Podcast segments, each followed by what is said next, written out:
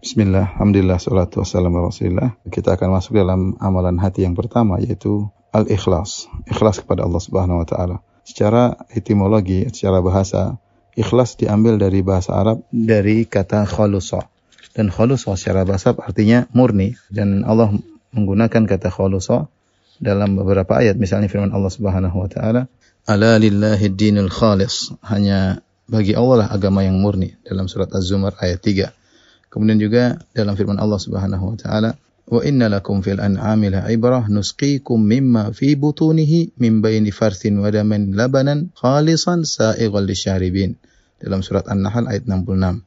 Di sini Allah berfirman, sungguhnya pada binatang ternak itu benar-benar terdapat pelajaran bagi kalian. Kami memberikan minum dari apa yang berada dalam perutnya berupa susu yang murni. Di sini kata Allah, labanan khalisan. Susu yang murni yang mudah untuk diminum oleh para peminumnya yang Allah mensifati susu tersebut dengan mimbaini farthin wadamin yang susu tersebut keluar di antara uh, kotoran dan darah di antara kotoran dan darah.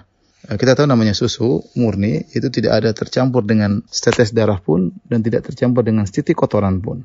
Seandainya ada susu yang tercampur dengan setetes darah atau tercampur dengan setitik kotoran maka tidak murni lagi. Ini gambaran secara sederhana tentang kata khalusah yaitu murni. Kemudian juga Allah sebutkan contohnya dalam surat Yusuf ayat 80. Allah berfirman, "Falamma asu minhu khalasu najiyya." Yaitu tatkala saudara-saudara Yusuf alaihissalam putus asa dari merayu Yusuf alaihissalam untuk menukarkan adik mereka Binyamin dengan salah seorang dari mereka. Kata Allah, khalasu najiyya. Mereka pun menyendiri sambil berunding berbisik-bisik di antara mereka ya. Khalasu yaitu mereka murni mereka saja tidak ada orang lain ikut campur dalam pembicaraan mereka. Dari sini kita tahu namanya khalasu artinya murni. Adapun ikhlas dari akhlaso yukhlisu ikhlasan artinya memurnikan, artinya memurnikan. Yaitu secara sederhana maknanya seorang memurnikan ibadahnya hanya untuk Allah Subhanahu wa taala. Tidak boleh niatnya tercampur dengan selain Allah Subhanahu wa taala. Ya sebagaimana murninya susu yang tidak tercampur dengan setetes darah pun dan tidak tercampur dengan setitik kotoran pun demikian juga seorang ketika beribadah kepada Allah niatnya ikhlas murni karena Allah Subhanahu wa taala. Dia tidak mengharapkan sedikit pun pujian dari manusia, tidak mengharapkan sedikit pun sanjungan dari manusia karena ketika dia beribadah, ternyata dia berharap diakui, disanjung, dihormati, maka sungguhnya niatnya tidak ikhlas lagi. Kalau niatnya tidak ikhlas lagi, maka tidak diterima oleh Allah Subhanahu wa taala ibadahnya. Karena dalam satu hadis hadis qudsi eh, Allah Subhanahu wa taala berfirman, "Ana aghna syuraka 'ani syirk." Aku adalah zat yang paling tidak butuh dengan syarikat ya. Aku tidak tidak ingin diduakan kalau bahasa bahasa kita Allah Allah tidak ingin diduakan, Allah tidak ingin disamakan, tidak ingin disyarikatkan. Man amila amalan asyraka fihi ma'iyya ghairi taraktuhu wa syirkahu. Barang siapa yang mengamalkan satu amalan, ternyata dia mensyarikatkan, mensekutukan Allah dengan selain Allah, kata Allah, ternyata dia mensekutukan aku dengan selain aku, taraktuhu wa syirkahu, maka aku, kata Allah, aku akan meninggalkan dia dan kesyirikannya. Yaitu Allah tidak tidak butuh dengan syarikat. Hadis riwayat Muslim nomor 2985. Dalam riwayat yang lain kata Allah Subhanahu wa taala, "Faman amila li amalan asyraka fihi ghairi fa ana minhu bari'un wa huwa lilladzi asyrak." Barang siapa mengamalkan suatu amalan, ternyata dia mensekutukan aku dengan selainku, yaitu dia menyamakan aku dengan selain aku, fa ana minhu bari', maka aku berlepas diri darinya, wa huwa lilladzi asyrak. Dan dia untuk sekutuku. Jadi ini namanya keikhlasan yaitu seorang beribadah murni hanya untuk Allah Subhanahu wa taala. Karena Allah tidak menerima sekutu. Jadi kalau seorang beribadah 100% hanya untuk Allah Subhanahu wa taala. Seandainya dia beribadah 90% niatnya karena Allah, ternyata 10%-nya untuk disanjung, untuk diakui, untuk dihormati, maka apa kata Allah tadi? Taraktu wa syirkahu. Aku tinggalkan dia dengan sekutu yang dia angkat tersebut. Dalam riwayat yang lain tadi, wa huwa lilladzi asyrak. Dia untuk sekutu yang dia sekutukan ya. Adapun Allah, Allah tidak menerima persekutuan. Sebagian salaf mengatakan al-ikhlas Allah tatluba ala amalika syahidan ghairallah wala mujazian siwa yaitu ikhlas engkau tidak mengharap dari amalanmu saksi selain Allah. Yaitu yang pentingnya Allah lihat sudah selesai. Wala mujazian siwahu dan kau tidak berharap pemberi balasan selain Allah Subhanahu wa taala. Oleh karenanya inilah syiar kaum mukminin yang Allah sebut dalam Al-Qur'an Inna nut'imukum liwajihillah la nuridu minkum jazaa'a wala syukura. Sungguhnya kami memberi makan kepada kalian karena Allah Subhanahu wa taala. La nuridu minkum jazaa'an wala syukura. Kami tidak butuh dari kalian balasan dan kami tidak butuh terima kasih dari kalian. Sebagaimana dalam surat Al-Insan, ya. Kemudian sebagian salaf juga mengatakan Yang disebut dengan ikhlas adalah nisyanu ru'yatil khalqi bidawamin nazara ilal khaliq. Yaitu melupakan pandangan atau penilaian manusia dengan selalu memandang kepada sang pencipta, kepada Allah Subhanahu wa taala. Yaitu ikhlas itu artinya sudah dia tidak mengharap apa pun dari manusia, tidak mengharap dipandang, tidak mengharap diakui, tidak berharap dikomentari, ya dia benar-benar mengharap dari Allah Subhanahu wa taala. Inilah kira-kira definisi ikhlas, yaitu secara istilah itu seorang memurnikan niatnya ketika beramal soleh hanya untuk Allah Subhanahu wa taala. Dan ini berlaku dalam seluruh ibadah ya. Dalam seluruh ibadah kita harus ikhlas. Ikhlas bukan hanya dalam sekedar eh, ketika sedekah ya. Bukan ketika sholat saja. Dalam segala ibadah kita harus ikhlas. Contohnya sederhananya misalnya dalam menuntut ilmu. Menuntut ilmu harus ikhlas. Ya, bukan untuk diakui oleh kawan-kawan, ya, bukan untuk dipuji oleh ustadz atau guru, bukan supaya kalau nilai kita tinggi dalam ujian maka kita diakui oleh panitia misalnya, nuntut ilmu harus ikhlas, harus ikhlas kepada Allah Subhanahu wa taala karena nuntut ilmu adalah ibadah. Contohnya berbakti kepada orang tua, harus ikhlas. Kita menyenangkan hati orang tua. Tidak perlu kita cerita ke orang-orang bahwa saya berbakti kepada orang tua, saya yang mengobati orang tua, saya menghaji, menghajikan orang tua saya, saya mengumrohkan orang tua saya, saya yang saya yang saya yang nggak perlu. Orang berbakti kepada orang tua amalan yang sangat luar biasa. Tidak perlu kita mengharapkan pujian dari manusia.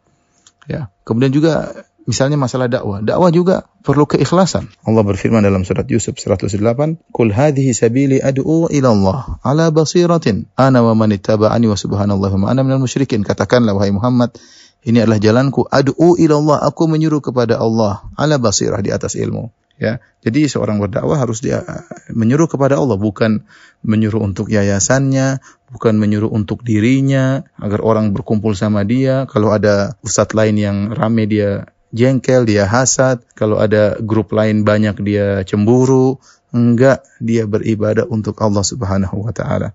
Bukan untuk grupnya, bukan untuk yayasannya, bukan untuk pondoknya, bukan untuk majelis taklimnya tidak, dia berdakwah untuk Allah ya, ad'u ilallah. Nah, jadi demikian para ikhwan dan akhwat bahwasanya ikhlas harus kita usahakan dalam segala bentuk ibadah yang dicintai oleh Allah Subhanahu wa taala. Demikian terlebih dahulu insyaallah kita lanjutkan pada poin berikutnya. Bismillahirrahmanirrahim. Alhamdulillah salatu wassalamu Rasulillah. Pada kesempatan kali kita akan bahas tentang faedah-faedah dari keikhlasan. Kita telah jelaskan bahwasanya ikhlas adalah ibadah yang agung ya dan ibadah yang berat ya, perlu perjuangan untuk bisa meraihnya. Kalaupun kita sudah meraihnya juga perlu perjuangan untuk menjaganya. Oleh karenanya syariat menyiapkan banyak faedah bagi orang yang ikhlas.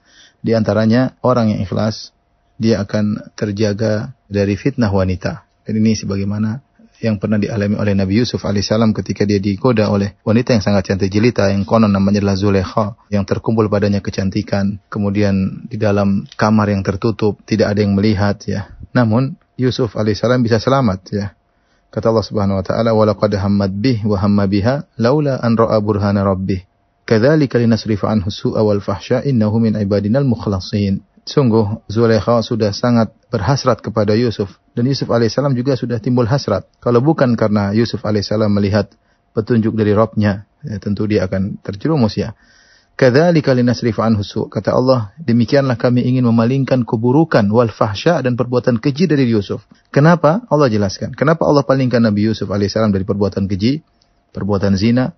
Innahu min ibadinal mukhlasin. Sungguhnya Yusuf termasuk dari hamba-hamba kami yang terpilih dalam sebagian kiroah, innahu min ibadinal mukhlisin. Sungguhnya Yusuf termasuk di hamba-hamba kami yang ikhlas. Dua kiroah ini tidak bertentangan. Yang pertama, mukhlasin, dia termasuk hamba yang terpilih. Yang kiroah kedua, mukhlisin karena dia ikhlas. Karena orang yang ikhlas akan terpilih oleh Allah Subhanahu wa taala. Ini yang pertama. Karenanya jika seseorang selalu ikhlas dalam ibadahnya, selalu mengharap penilaian Allah bukan mengharapkan penilaian manusia di saat-saat genting, tatkala fitnah benar-benar berkobar, Allah akan menyelamatkan dia. Sebagaimana Allah menyelamatkan Yusuf dari fitnah yang sangat besar dari godaan Zulaikha yang sangat cantik jelita. Yang kedua, di antara faedah ikhlas adalah orang yang ikhlas akan dinaungi oleh Allah pada hari kiamat di padang mahsyar ketika matahari jarak satu mil tidak ada naungan kecuali naungan Allah Subhanahu wa taala. Uh, Rasulullah SAW menyebutkan tujuh golongan yang Allah naungi pada hari kiamat kala ketika matahari jarak satu mil di mana manusia keringat mereka bercucuran di antara tujuh golongan tersebut, Nabi SAW berkata, Rajulun tasaddaqa biyaminihi fa akhfaha hatta la ta'lama shimaluhu ma tunfiqu yaminuhu. seorang yang dia bersedekah dengan tangan kanannya kemudian dia sembunyikan sedekahnya sampai-sampai tangan kirinya tidak mengetahui apa yang disedekahkan oleh tangan kanannya. Jadi ini menunjukkan akan kuatnya keikhlasannya.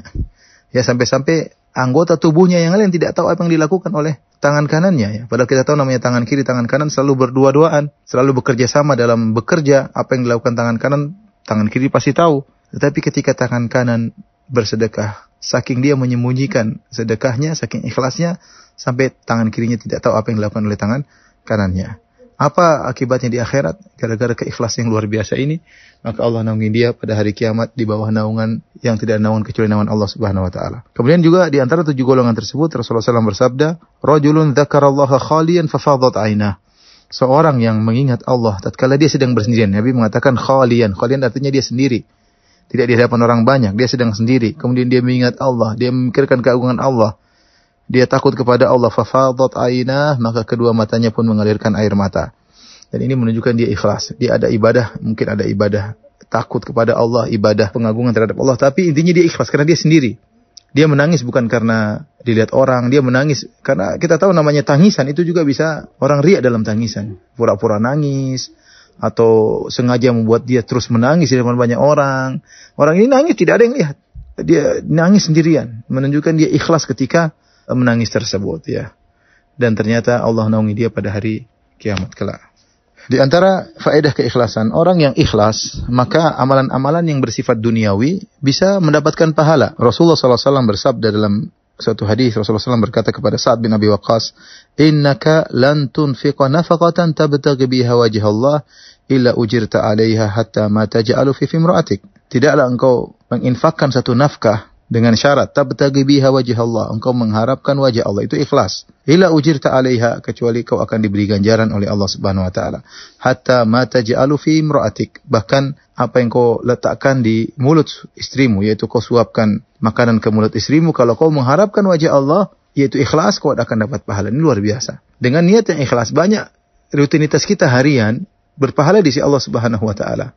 Misalnya kita bekerja karena Allah Subhanahu wa taala kita menyenangkan istri karena Allah Subhanahu wa taala. Bahkan kita suapin istri dan kita tahu kondisi lelaki tatkala sedang menyuapin istri sedang mesra-mesranya. Ya, tidak mungkin mereka bertengkar kemudian suami sedang menyuapin istri. Suami sedang menyuapin istri berarti lagi mesra-mesranya dengan istrinya. Itu pun kalau diniatkan karena Allah dapat pahala. Oleh karenanya tinggal main niat, kita perbaiki niat, manage hati kita, maka banyak amalan-amalan kehidupan kita sehari-hari yang bisa mendatangkan pahala ya. Saya bayangkan bagaimana seorang yang kerja di Jakarta kemudian pergi dari pagi-pagi pergi ke kantor mungkin pada subuh pulang mungkin isya ya waktu banyak di jalan kalau dia niatkan kerjaannya karena Allah semoga semua apa yang dilakukan berpahala di sisi Allah Subhanahu wa taala dan ini di antara faedah yang agung dari keikhlasan. Baik ikhwan dan akhwat insyaallah kita lanjutkan pada pembahasan berikutnya. Wallahu taala alam bisawab. Bismillahirrahmanirrahim. Alhamdulillah salatu wassalamu rasulillah. Di antara faedah keikhlasan yang keempat adalah membantu mewujudkan cita-cita. Banyak orang yang memiliki cita-cita yang mulia, namun betapa sering cita-cita mereka kandas di tengah jalan dan tidak berhasil. Tentu banyak sebab yang membuat dia tidak berhasil, namun bisa jadi di antaranya adalah kurangnya tulusnya niatnya atau kurangnya ikhlasnya niatnya. Barang siapa yang memiliki cita-cita yang mulia dan dia benar-benar tulus dan ikhlas kepada Allah, maka Allah akan mudahkan dia meraih cita-citanya. Di antaranya disebut dalam satu hadis ada seorang Arab Badui datang menemui Nabi SAW. Kemudian dia beriman kepada Nabi dan mengikuti Nabi. Kemudian dia berkata, Uhajir ma'ak, ya Rasul aku berhijrah bersamamu. Maka Nabi SAW mewasiatkan kepada sebagian sahabatnya untuk memperhatikan orang Arab Badui ini. Falam makanat ghazwah tatkala tiba terjadi peperangan, Goniman Nabi SAW syai'an. Maka Nabi mendapatkan sebagian harta gonimah. Itu Rasulullah mendapatkan gonimah. Faqasama wa qasama lahu. Maka Nabi SAW membagikan gonimah tersebut kepada mujahidin, para mujahidin. Dan dia juga dapat bagian. Kemudian Rasulullah SAW memberikan kepada para sahabat bagian Arab Badui ini dari harta ghanimah. Kebetulan wakana yar'a dhahrahum. Orang Arab Badui ini menjaga bagian belakang ya. Maka dia terlambat datang karena dia bagian jaga bagian belakang pasukan. Falamma jaa dafa'uhu ilai tatkala dia datang maka para sahabat memberikan jatah gonimahnya kepada Arab Badu ini karena dia ikut perang. Maka dia berkata, "Mahadha, apa ini?" Para sahabat berkata, "Kismun qasamahu lakan Nabi sallallahu alaihi wasallam." Ini bagianmu yang Nabi sudah memberikan jatahmu. Fa akhadahu fa ja'a bihi Nabi sallallahu alaihi wasallam. Maka dia pun mengambil jatah gonimahnya Lantas dia datang kepada Nabi Shallallahu Alaihi Wasallam dan dia berkata, Mahada, apa ini ya Rasulullah? Maka Rasulullah SAW berkata, Kosam tuhulak, aku bagi untukmu itu jatah gonimahmu. Maka orang Arab ini berkata, Ma ala hadha taba'tuka. Aku ikut engkau ya Rasulullah bukan untuk mendapatkan gonimah ini. Walakin taba'tuka ala an urma ilaha huna. Tapi aku ikut engkau ya Rasulullah agar aku dipanah lewat sini. Wa asyara ila halqihi bisaham. Yaitu dia memberi isyarat kepada lehernya itu kata dia aku ingin dipanah oleh anak panah dan masuk di leherku ya di kerongkonganku. Fa amuta fa adkhulal jannah. Lalu aku mati mati syahid. Lalu aku masuk surga. Maka Nabi SAW berkata mengomentari perkataan Arab Badui ini in tasduqillah yasduqka. Kalau kau tulus kalau kau ikhlas di hadapan Allah Subhanahu wa taala Allah akan mewujudkan cita-citamu Falabithu qalilan thumma nahadu nahadu fi qitalil adu. Kemudian para sahabat berdiam sebentar, kemudian mereka bangkit lagi untuk berperang melawan musuh. Kemudian ternyata orang ini meninggal dalam peperangan, mati syahid.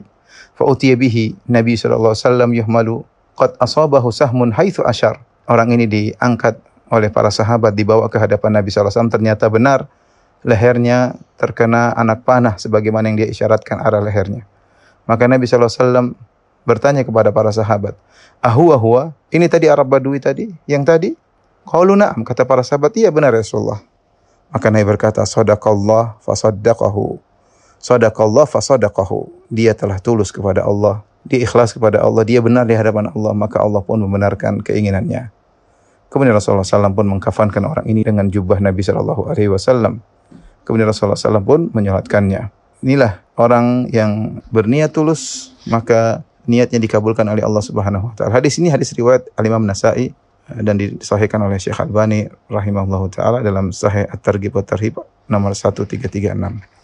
Dan ini pelajaran bagi kita kalau kita punya cita-cita yang baik maka tuluskan niat kita ikhlas karena Allah Subhanahu wa taala. Semoga Allah mudahkan kita untuk bisa mewujudkan cita-cita kita yang terbaik. Di antara faedah keikhlasan yang berikutnya yang kelima, ikhlas merupakan sebab dikabulkannya doa dan dihilangkan kesulitan. Dalam hadis yang masyhur Rasulullah SAW bercerita, ada tiga orang ya, berjalan di antara orang soleh, salah satu yamshun, tiga orang berjalan, fa'asabahumul matar, kemudian mereka ditimpa dengan hujan. Karena hujan, maka mereka pun masuk dalam goa di bawah sebuah gunung ya. Ya untuk menghindari hujan fanhattat alaihim sakhrah. Tiba-tiba ada batu besar jatuh lantas menutupi mulut goa atau pintu goa tersebut. Mereka tidak bisa keluar. Maka akhirnya sebagian mereka berkata kepada sebagian yang lain, tiga orang tersebut, "Ud'ullaha bi afdali amalin amiltumuh." Hendaknya kalian berdoa dengan berwasilah kepada amalan yang terbaik yang pernah kalian lakukan. Maka salah seorang dari mereka berkata, Allahumma in li abawani shaykhani kabirani. Ya Allah, aku punya dulu aku punya dua orang tua yang sudah tua. Ya, orang tuaku dua-duanya sudah jompo ya. Sudah sangat tua. Fakuntu akhruju fa'ar'a thumma aji fa'ahlubu fa'aji bil hilab fa'ati bi awabai abawayya fayashrabani thumma asqi as-sibyata wa ahli wa imraati. Ya Allah, aku dulu punya dua orang tua yang sudah sangat tua dan aku keluar, aku menggembala, kemudian aku kembali, lalu aku mengambil memerah susu, lalu aku datangkan susu tersebut, aku berikan kepada kedua orang tuaku, lalu keduanya minum. Baru setelah itu aku berikan susu kepada anak-anakku dan istriku serta keluargaku. Maka suatu hari aku tertahan, aku tidak bisa pulang cepat, sehingga akhirnya ketika aku pulang di malam hari mereka sudah tidur ya. Biasanya waktu sore dikasih susu, ternyata dia terlambat datang karena ada sesuatu sehingga ketika dia pulang ke rumah kedua orang tuanya sudah dalam kondisi tidur. Fakaritu an ukhidhahuma wasibiyatu yatadagawna inda rijlayya. Aku enggak suka atau enggak enak membangunkan mereka berdua sementara mereka berdua sudah tidur. Sementara anak-anakku mereka menangis di kedua kakiku. Falam yazal dzalika da'bi wa da'buhuma hatta tala al-fajr. Dan begitulah kondisiku dengan kondisi mereka sampai terbit fajar. Ya, jadi orang ini dia ingin membangunkan kedua orang tuanya dia enggak enak. Kalau dia bangunkan khawatir Orang tuanya lagi tidur terganggu. Sehingga dia berdiri di situ terus nungguin orang tuanya. Kapan orang tuanya terjaga? Mungkin jam satu malam, mungkin jam dua malam, mungkin jam tiga malam. Langsung dia kasih susu karena khawatir kedua orang tuanya kelaparan. Ternyata kedua orang tuanya tidak bangun kecuali subuh. Bayangkan semalam suntuk dia tunggu di situ. Ini tidak bangun kedua orang tuanya. Sementara anak-anaknya nangis dia tidak peduli. Yang penting kedua orang tuanya terlebih dahulu. Kemudian dia berkata, Allahumma in kunta ta'lamu anni fa'altu dzalika ibtigha'a wajhik fafruj anna furjatan nara minha sama. Ya Allah, jika memang aku mengerjakannya karena mengharap wajahmu, karena ikhlas, maka bukalah bagi kami pintu goa sehingga kami bisa melihat langit. Tiba-tiba batu penutup yang menutup goa tersebut bergeser. Mereka sudah bisa lihat langit, tapi mereka belum bisa keluar. Akhirnya yang kedua berdoa. Dia berkata, Allahumma in kunta ta'lam anni kuntu uhibbu imra'atan min banati ammi. Ya Allah, sungguh engkau tahu bahwasanya aku dulu pernah mencintai seorang wanita yang termasuk dari sepupuku yaitu putri-putri pamanku, salah seorang dari putri-putri pamanku. Ka asyaddi ma nisa, yaitu cintaku sangat luar biasa. Yaitu se sebesar-besarnya cinta seorang lagi kepada wanita, itulah aku, aku sangat mencintainya.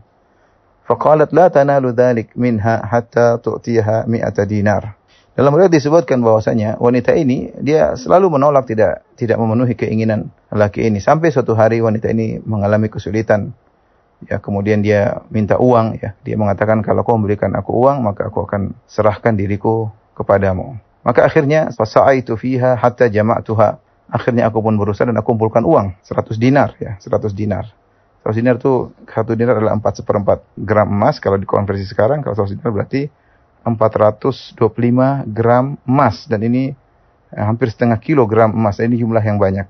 Falamma qa'atu baina rijlaiha dan sebagaimana dia janjikan menyerahkan dirinya kepadaku jika aku sudah mengumpulkan uang. Akhirnya benar, dia menyerahkan dirinya kepadaku dan aku pun sudah duduk di antara dua kakinya untuk menzinahinya.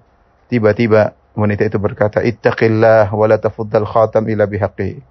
Wahai fulan bertakwalah kepada Allah dan jangan kau membuka kun, uh, cincin itu jangan kau menggauliku kecuali dengan haknya itu harus nikah dulu.